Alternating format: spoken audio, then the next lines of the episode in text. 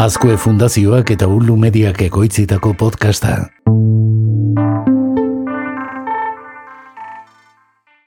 Ordenagailua pizten dugunean, mundu digitalera leio bat zabaltzen dugula esan izuen aurreko saio batean.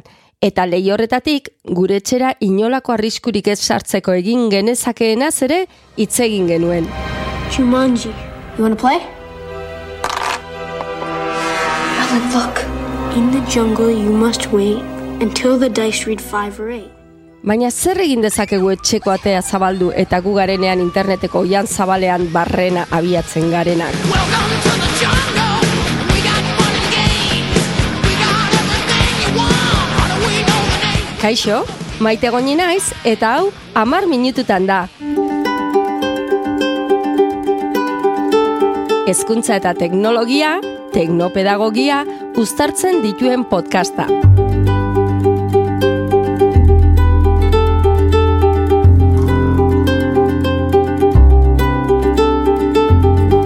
Amar minututan, maite gonirekin.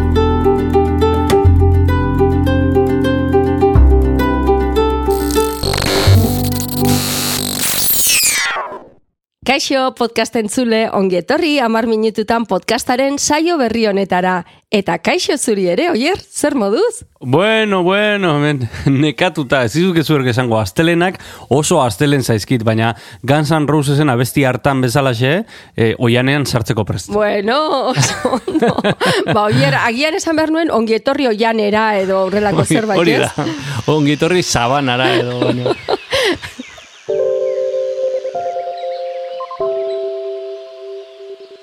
Gaurkoan ere, e, okerezpanago, maite, e, lehenengo bi kapituloetan egin genuen bezala, segurtasuna hitz egin behar dugu. Bai, hoxe da, ez? Tarteka gustatzen zaigu horrelako gaiak sartzea. Gogoratzen baduzue, gure ordenagailua babesteko sei mandamentuei buruz aritu ginen aurreko Hori batean. da, hori da, virusak eta bestelako etxaiak gure gailu elektronikoetatik kanpora mantentzeko maite goniren sei mandamentuak zerrendatu genituen. Hori da, sei pausoie jarraituta gure ordenagailua seguru manten dezakegu. Baina, bueno, gailu ez ari gara, baina ze gertatzen da gurekin. Erabiltzailearekin, ez da?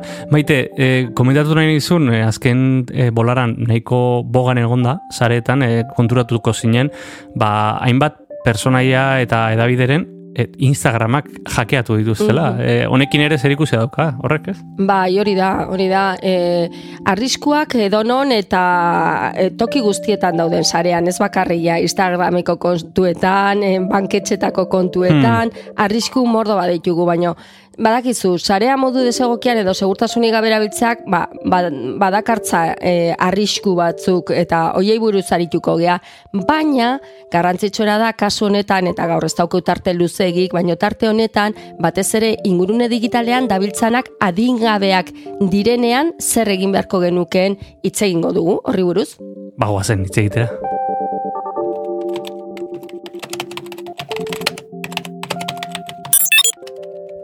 Sareko jokabideak. Eskolan, ikastolan, mundu errealean, bizikidetza arauak edo takiba jarraibideak ditugun bezalaxe, mundu digitalean ere arau batzuk jarraitu beharko genituzke. Technology has this extraordinary capacity to both kind of instantiate and continue all of our kind of most extraordinary and often hidden kind of desires and biases and encoding them into the world, but it also writes them down so that we can see them. Guraso, tutore edo ezitzaile gisa, lehentasunezkoa da garrantzitsua dela gogoeta egitea.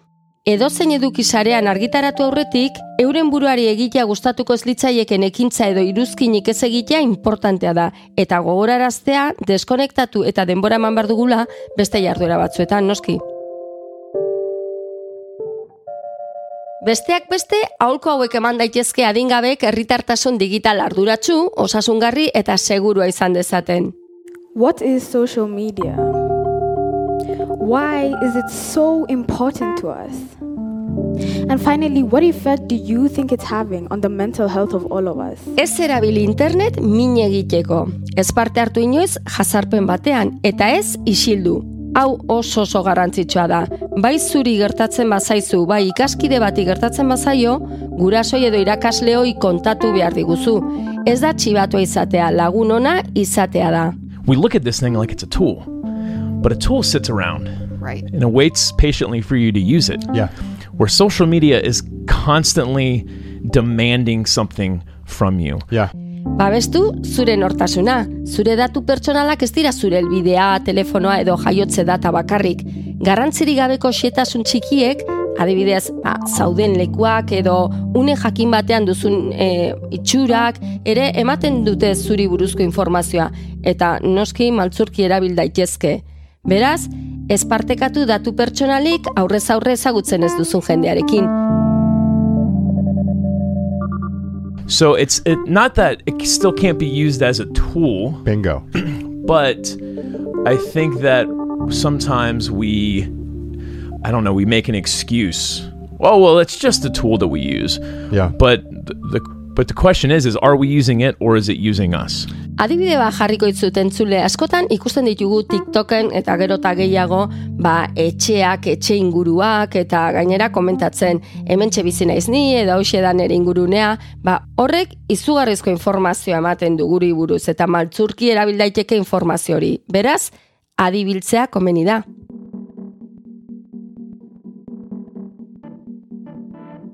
Internet bidez bidaltzen dituzun gauzek arrastoa uzten dute, eta zure arrasto digitalak zurekin batera emango du denbora luzea. Eta zure esku dago ondorio onak edo txarrak izate arrasto horrek. Alegia, beste adibide bat ipiniko dizut. Etorkizunean orain esandako, egindako, erakutsitako zerbaitek agerian uz dezake jarrera bat edo zure egiteko modu bat edo askotan gertatzen dana eta ikusten duguna, delitu bat. When we visit websites to get information, do social sharing, send instant messages and email, we leave something behind. Our digital footprints are the traces we leave behind as we use the internet. Barkatuko diazu hemen sartzea maite, baina askotan hitz egin dugu eta barregura asko sortzen digute Pedro Sánchezen tweet zarrek, ez? Hemen, hau, etorri zait burura. Bai, bai, bai, bai, eta ez bakarriko hiek baizik askotan, ba, bueno, eta eta gutxienez, e, ba, ganorabako bat zehala erakustea, ba, gutxi gora bera ez da inarriskutsua, baina askotan ikusten ditugu gazteak eta ba, e, gauza alegalak edo ilegalak egiten. Eta arrastoiek, bueno, arrasto digitalak dira, eta hortxe geratzen dira, oier. alaxe da, alaxe da. Ez dizu moztuko azken aholkua falta segulako. Internet eta sare sozialak bikainak dira, baina bizitzan gauza zoragarri gehiago ere badaude eta hoietako batzuk internetetik deskonektatuta zaudenean bakarrik goza daitezke. Oso ondo maite, oso interesgarriak aholku hauek, baina berauek jarraituta gure semealabak bakar bakarrik salbu ibiliko dira? Ez, zoritxarrez ez da nahiko hauier. E, nik uste nuen ibiltzen ikastea bezala zela. Une batetik aurrera, aurrek, gaztetxoek beren kasa ibili beharko dute kalean. Bueno, bai, ados, baina ezakit, aur bati mapa bat eta iparrorratza eman eta ez duzu hiri handi batean bakarrik ikusten, ez da hoier? Ez, egia esan ez. E, trebena ere galdu egingo litzateke. Ba ingurune digitalean gauza bera gertatzen da. Guraso edo zantzaileok interneten oian zabal horretan lagundu egin behar ditugu aurrak.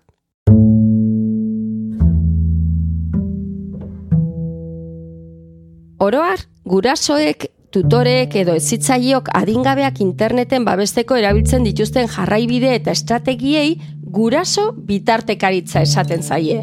Neurri edo estrategia hoien helburua da, sareak eskaintzen dituen onurak ezagutzea eta aprobetxatzea, internet erabiltzaileak izan ditzakeen arriskuak ulertzea eta prebenitzea, eta ingurune digitalean arazoak detektatzea eta kudeatzea. Inziberen guraso bitartekaritzarako gidaren arabera, estrategia hoiek onela sailkatzen dira, estrategia aktiboak eta murriztaileak. Bi estrategia mota horiek kombinatzea da aukerarik eraginkorrena eta seguruena. Garrantzitsua da gurasoek, tutorek edo ezitzaileok arau argi eta adostuetatik abiatuta adingabek eskuratzen dituzten edukien eta denboraren jarraipena egiteko laguntza teknikoa erabiltzea eta interneten norekin erlazionatzen diren eta zer motatako edukiak kontsumitzen dituzten jakitea. Queridos amigos, amigas, bienvenidos a un nuevo directo. Ya estoy aquí, ya he llegado, ya voy a salvar vuestros exámenes. Y este año con pizarra, por favor, atended. Esto sois vosotros el día del examen. Quiero que os fijéis en algo importante. Aparte de que sois guapísimos y guapísimas, fijaos en esto. Tenéis una sonrisa, porque sabéis que hoy las cosas van a salir bien, porque sabéis que vais a probar de sobra, porque creéis en vosotros mismos. Funtsezkoa da konfiantzazko harreman bat ezartzea. Adingabei aukera emango diena edozein goraberaren aurrean edo edozein arazoren aurrean horri buruz hitz egiteko eta laguntza edo aholkua eskatzeko. Horretarako, komenigarria da zenbait jarduera partekatzea sarean, familian, elkarrekin aztea eta norberaren edo besteen akatsetatik ikastea eta txikienen gizarte trebetasunak eta pentsamendu kritikoa sustatzea. Helduen moduan, norberaren konexio teknologikoak kudeatzeko eta adingabei gauza bera egiten irakasteko gai izanik. It's crazy, right? What are your superpowers? Superpowers, dude, I don't even know how to pee in this thing. Shazam filmeko protagonista horrek arrazoia dauka. Batzuetan ez da nahikoa superboteroak izatea. Haiek erabiltzen jakin egin behar da. Bueno, superbotereak esan ordez, adidez, oea egitea ere esan genezake, ez, oier? Maite, nik goizero goizero egiten dut nire oea, eh? E, hortik ez nozu harrapatuko. A ber, oier, ez, konta, ez kontatu dena, lasai, lasai. bueno, baino, egie da txantxak utzita eta gurera etorriz arrazoi duzula, ez? Guraso gisa ez da nahikoa seme alabak interneten orientatzeko tresnak badaudela jakitearekin. Azkenean hori esan nahi nuen, ez? Bai, azken batean tresna horiek nola dabiltzen eta nola erabili ditzakegun jakin behar dugu, ze e, tresna bat oso ona edo oso txarra kaltegarria izan daiteke erabileraren arabera. Hoixe, hori esan nahi nuen. Tresna ugari daude, eta, bueno, ugari pila Mhm. badaude, tresna pila badaude, baina eh, jakin behar duguna da, aurraren ara, arabera edo adinaren arabera, egokitzen tresna, erabiliko dugun tresna. Baina, gai horrek denbora gehiago merezi du, eta mar minututan podcastaren urrengo saioan, luze eta zabalarituko gara hortaz, ondo iruditzen bazaizu. Primeran iruditzen zaite horren zain geratuko naiz.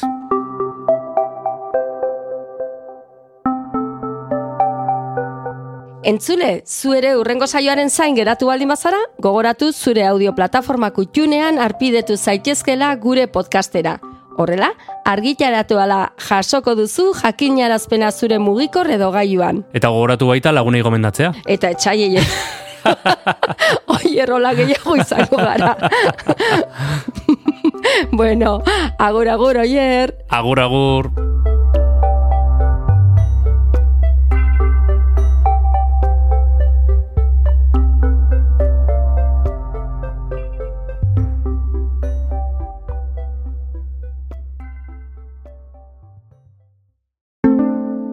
Azkue Fundazioa. Ei, txt, entzun hori. Ulu Media.